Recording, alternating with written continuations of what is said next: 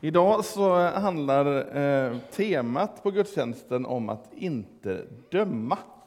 Och vi ska läsa en bibeltext till att börja med ifrån Johannes kapitel 8, vers 1 till 11. Så här står det. Men Jesus gick till Olivberget. Tidigt på morgonen var han tillbaka i templet. Allt folket samlades kring honom och han satte sig ner och undervisade. De skriftlärda och fariseerna kom då dit med en kvinna som hade ertappats med äktenskapsbrott.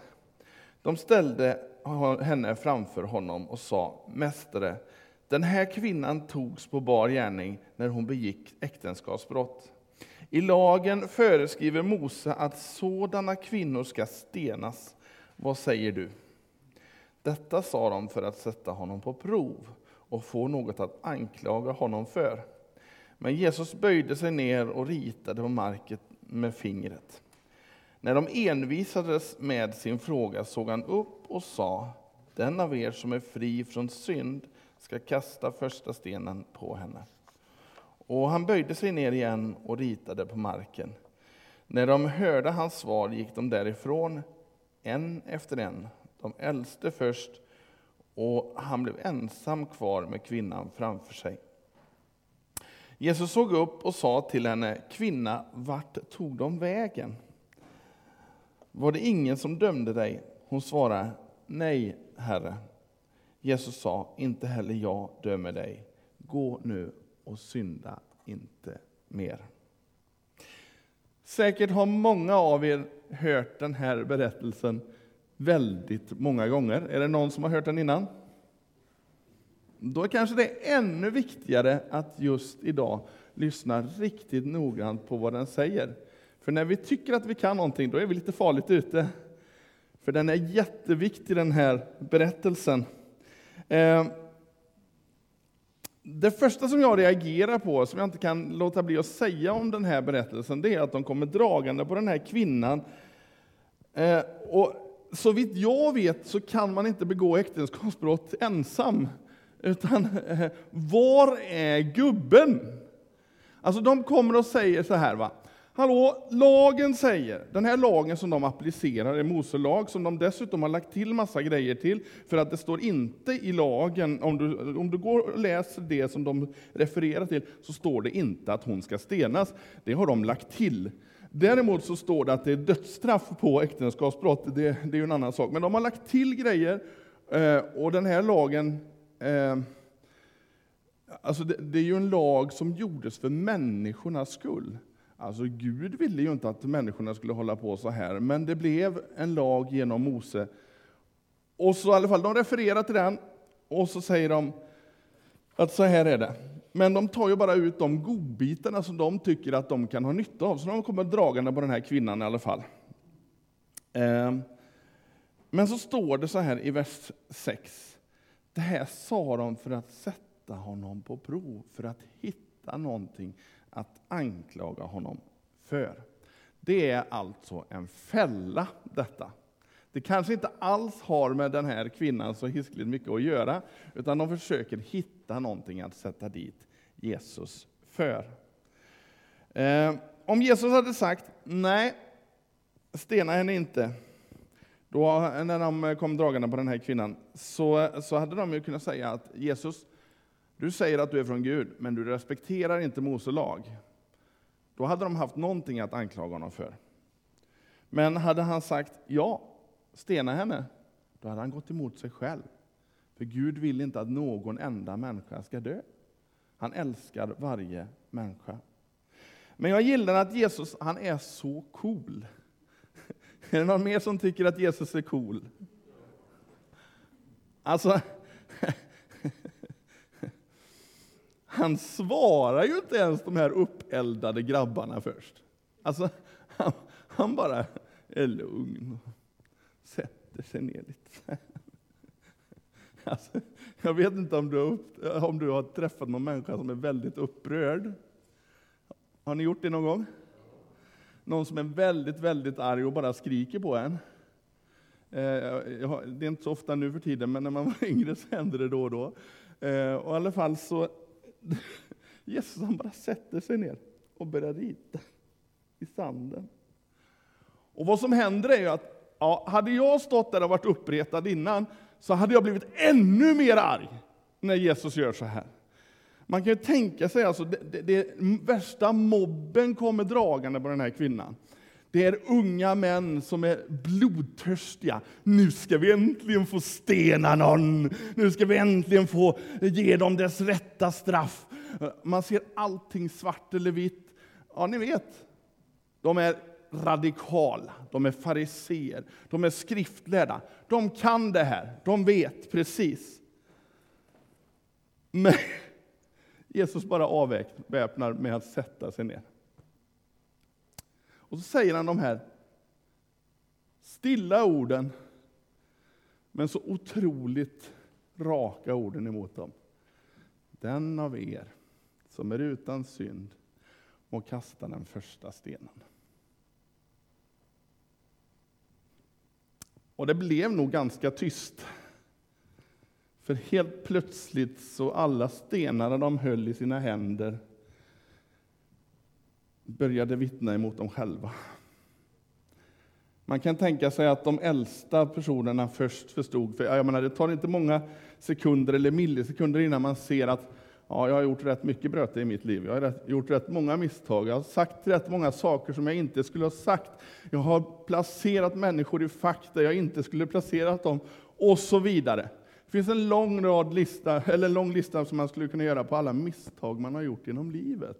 Där man har varit alldeles för snabb med att bedöma saker eller döma saker.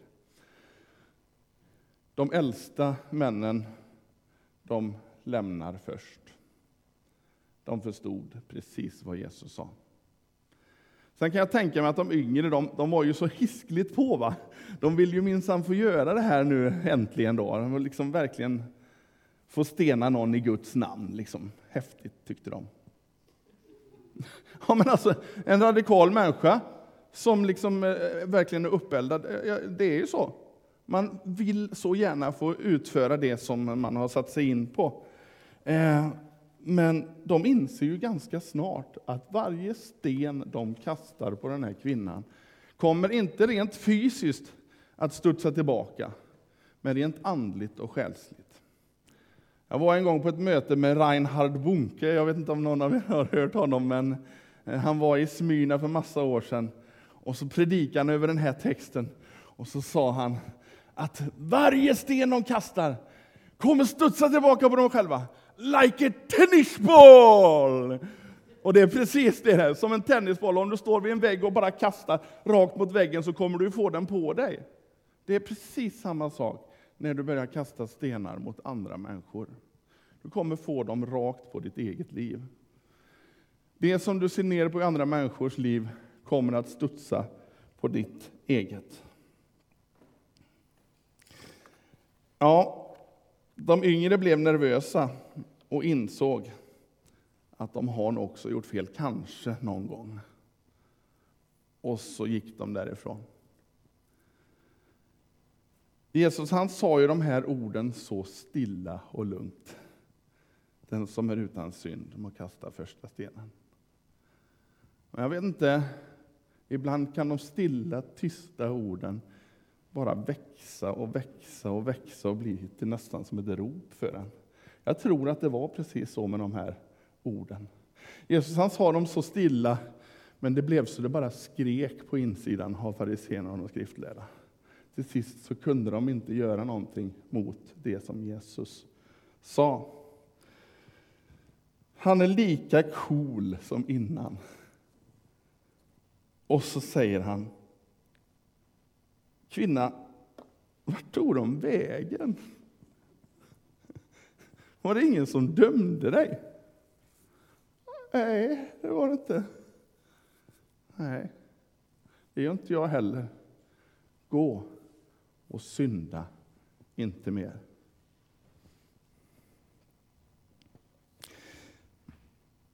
Rent mänskligt sett så kanske vi tycker att Jesus borde ha talat till rätta den här kvinnan. Han borde ha sagt, så där ska du inte hålla på, och så här ska du inte göra. Vi hade säkert gjort så, att vi hade tyckt det ena och det andra, och sagt det ena och det andra till den här kvinnan. Men Jesus han säger ingenting om det. Alltså, han är ju inte omedveten om det som har hänt. Han är ju snarare väldigt påläst. Jag, jag skulle vilja säga att det finns nog ingen som är mer påläst än Jesus, eftersom han har varit med ända från början. Ända sedan världens skapelse. Och ändå verkar det som att det är nuet som är aktuellt. Vad vi gör av det som är nu och framtiden. Både Nya och Gamla testamentet talar ju om Guds nåd. Eh, han har eh, oändligt tålamod med oss. Se bara på historien om det där folket som skulle gå tillsammans med Gud, men hittar på så otroligt många dumheter. Eh, ja, det är faktiskt så att när man läser det gamla testamentet så blir man ju ganska mörkrädd ibland. Det beror egentligen inte på Gud, utan på att människor är människor. Människan, den fick allt, men kastade också bort allt. Den fick allt det fantastiska, men förstörde allt det fantastiska. Bibeln beskriver ju hur människor bör göra, många gånger, eller ger oss råd i det. Men det är också att när du läser det gamla testamentet så ser du hur människor gjorde, kanske inte att de alltid följde de råden. Så vi får se hur människor beter sig helt enkelt. Och vi ser att människan har inte blivit ett dugg bättre på flera tusen år. Vi får vara glada att Gud inte är en människa helt enkelt. Jag som människa skulle aldrig ha det tålamodet som Gud har med var och en av oss. Och det är tur att nåden kom genom Jesus. Annars skulle det vara ute med oss allihop. Tänk att han hade tålamod med den där lille killen Hans. Eller med dig. Eller med dig. Tänk att han hade tålamod och såg någonting i den här lille killen som kanske inte andra såg och trodde på det. Hade jag fått stå upp för alla mina misstag så hade jag inte kommit så långt. Men Guds nåd vill visa oss en väg vidare.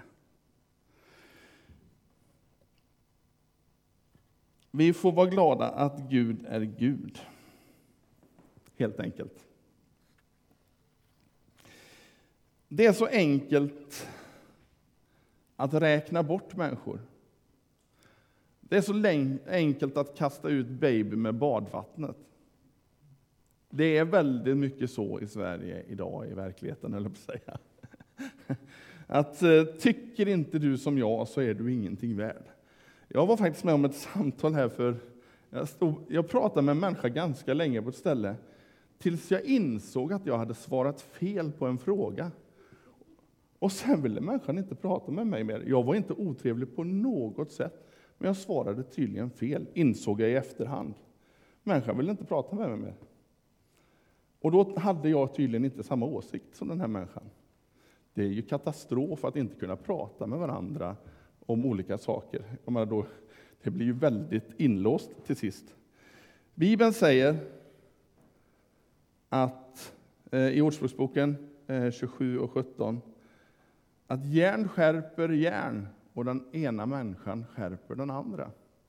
Vi behöver varandra för att faktiskt skärpa varandra. När vi gör fel så behöver vi någon som kan hjälpa oss att gå vidare.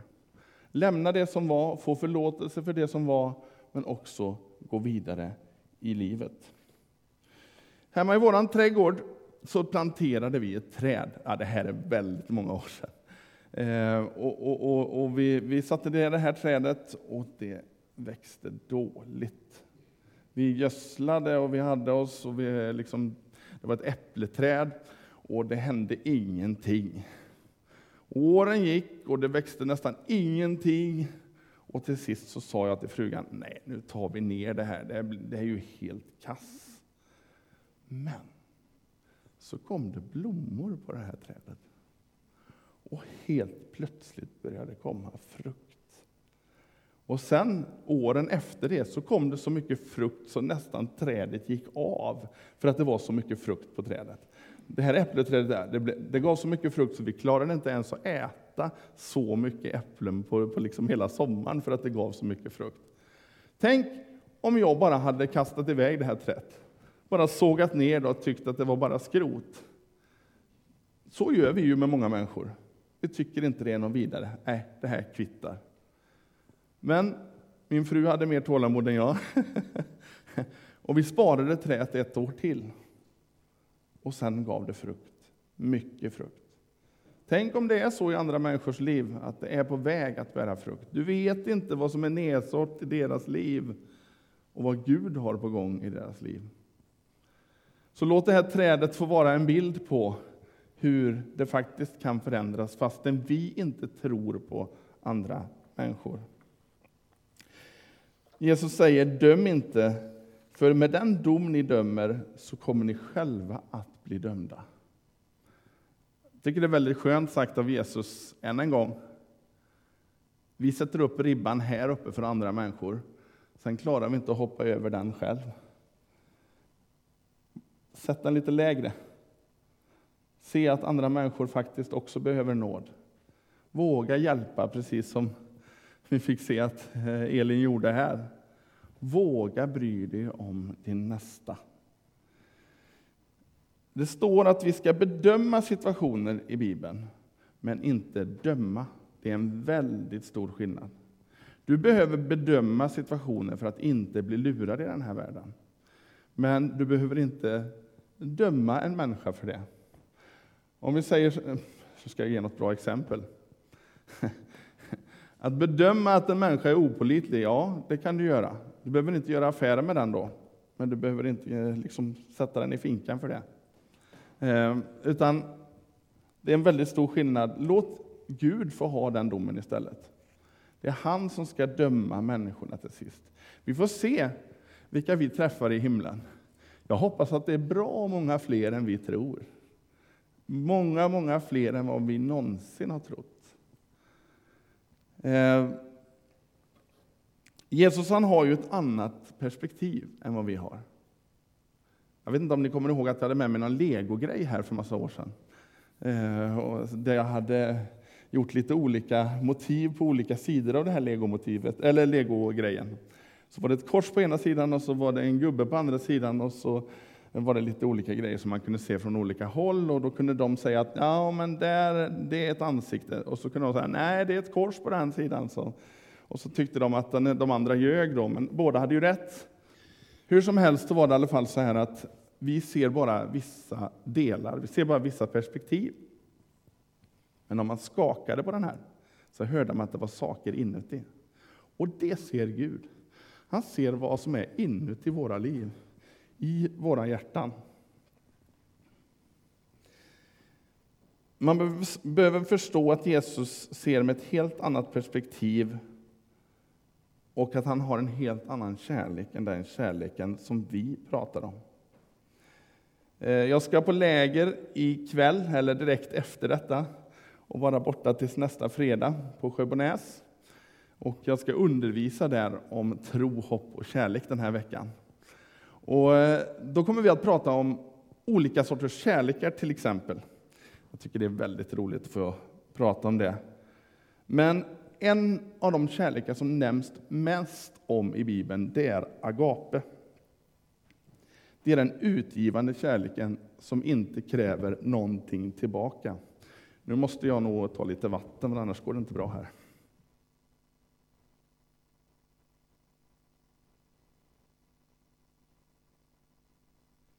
Agape är Guds kärlek. Den kärleken som bara ger och ger och ger och ger och ger och ger och inte kräver någonting tillbaka. Den är villkorslös. Det är den kärleken som Gud älskar oss med. Det är den kärleken som drev honom att sända sin son Jesus hit till jorden. Det är den kärleken som fick honom att låta sig hängas upp på ett kors för din och min skull. Att ta din och min skuld. Att betala alla våra fel och brister. Det är den kärleken som vi ser att han har skapat den här, det här jordklotet med. Om vi går ut och tittar i naturen så är det helt fantastiskt. Även om människor gör allt de kan för att förstöra den här planeten så är den ändå helt fantastisk i grunden. Vi ser hur människor river och drar ja, ner allt möjligt, men så börjar det i alla fall blomstra, fastän människor förstör. Och den, det är som Guds nåd. Alltså den bara är här, den bara liksom börjar blomstra igen. Det bara återigen kommer med hans värme och med hans växt och med hans liv, även om vi förstör. Sån är Guds kärlek. Om man djupdyker i grekiskan, jag vet att ni säkert har läst första Korinthierbrevet 13 där det står om kärleken. Det är ett väldigt härligt kapitel, störst av allt i kärleken står det där. Men om du djupdyker i grekiskan så är det faktiskt så att svenskan är ett oerhört fattigt språk. Ehm, man kan säga att man skulle nästan inte ens använda ordet kärlek i kärlekens lov. Därför att det är inte det det bara betyder. Svenskan har gjort ordet kärlek till något väldigt fattigt. Men eh, ja, jag kommer ta med mig 23 olika sorters kärlek till lägret och, och prata om dem. Kanske inte alla på en gång, men jag kommer att säga lite om de här olika kärlekarna. Att säga att all kärlek är bra, det är fel. Att säga att all kärlek är dålig, det är fel. Men den kärleken det står om i Första Korinthierbrevet 13, den betyder närmast givmildhet. Den betyder barmhärtighet, välgörenhet, människokärlek, kärlek till nästan, mildhet, överseende med andras misstag. Till skillnad från eros, som är kärleken mellan en man och en kvinna för hela livet, så har agape ingen sexuell underton överhuvudtaget. Agape står för Guds kärlek till människor och hur människor ska älska Gud och varandra. Det är en kärlek som man inte har någon egen nytta av, utan man bara ger och ger. Och då förstår vi ganska snart att den här kärleken, det är inte någonting som bara automatiskt kommer här på insidan, utan man behöver bli fylld av den kärleken. Man behöver få den kärleken ifrån Gud för att kunna ge den vidare till andra människor. Jag tycker det är väldigt tydligt var grunden till den här kärleken kommer ifrån, nämligen Gud själv. Första Korinthierbrevet 16 och 14 så står det så här. Låt allt som sker hos er ske i kärlek. Vad är det för ord som används för kärlek? Jo, det är återigen agape. Agape kommer nästan genom hela Nya testamentet. Det är för att det är skrivet på grekiska, helt enkelt. Och det är nästan enda, den enda kärlek som det pratas om att vi ska hålla på och älska varandra med. Det är den kärleken som församlingen älskar varandra med. Det är den kärleken som man, man liksom tar hand om andra människor med. Det är inte massa andra sorters kärlekar. Och då blir det helt plötsligt jättestort. För mig blir det det i alla fall. Låt allt hos er ske i agape. Låt allt ni gör ske i osjälvisk kärlek. Låt allt ni gör ske i givmildhet. Låt allt ni gör ske utan baktanke och så vidare. Visst är det häftigt? Låt oss ta med oss den här, eh, de här orden den här sommaren och ha nåd med varandra, precis som Gud har nåd med oss. Och låt oss också ha nåd med oss själva, för Gud har nåd med dig. Anklaga inte dig själv för massa saker som inte Gud anklagar dig för. Gud han vill att du ska komma till honom och han vill att du ska vara fri från alla de här sakerna. Det är inte värre än att du kommer och lämnar över det till honom, så är det ur världen. Visst är det så att det är olika konsekvenser på olika saker och olika synder vi har. Om jag sätter igång en lavin så kan jag be om förlåtelse för att jag har skickat igång den här lavinen. Va? Men det kommer fortfarande att komma ner ganska mycket snö. Så är det ju. Det liksom är oundvikligt. En del synder måste vi verkligen ta hand om på andra sätt också, alltså rent fysiskt. Men be om förlåtelse istället. Ge dig till Jesus. Han är den som kan rädda dig. Det är han som kan befria dig. Jag blev lite lätt nostalgisk, det kanske ni kommer läsa i, i Markbladet här nu inför det här lägret. Eh, det är snart 50 år sedan det här lägret började hållas på Sjöbonäs. Och jag har sett så många människor bli förvandlade på det här lägret. De kommer dit i unga år, de är 10 till 15 år och får där möta Jesus. Jag vet, vi hade en kille, han var så otroligt sur hela tiden. Det var lite speciellt.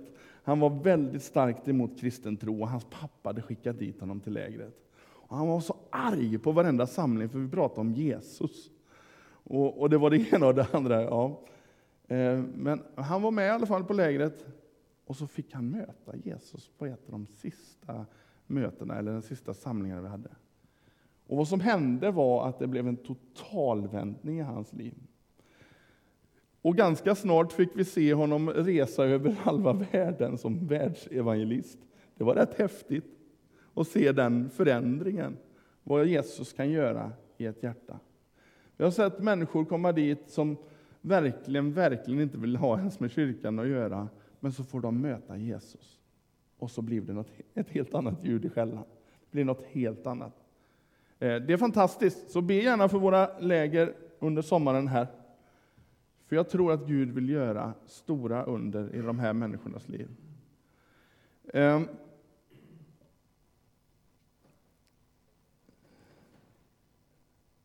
Låt oss ha nåd med varandra. Jesus slätar inte över synden på något vis överhuvudtaget någonstans. Han är väldigt noggrann med att säga vad synden gör och hur den förstör våra liv. Synd betyder ju att missa målet. Det blir lite tydligare då. Vi missar målet med våra liv. Jesus han är väldigt tydlig att säga, du missar målet med ditt liv om du gör så här. Men det som är så fantastiskt med Jesus är att han slätar inte över, utan han förlåter så att vi kan gå vidare. Ta med, ta med er detta. Vi ber tillsammans.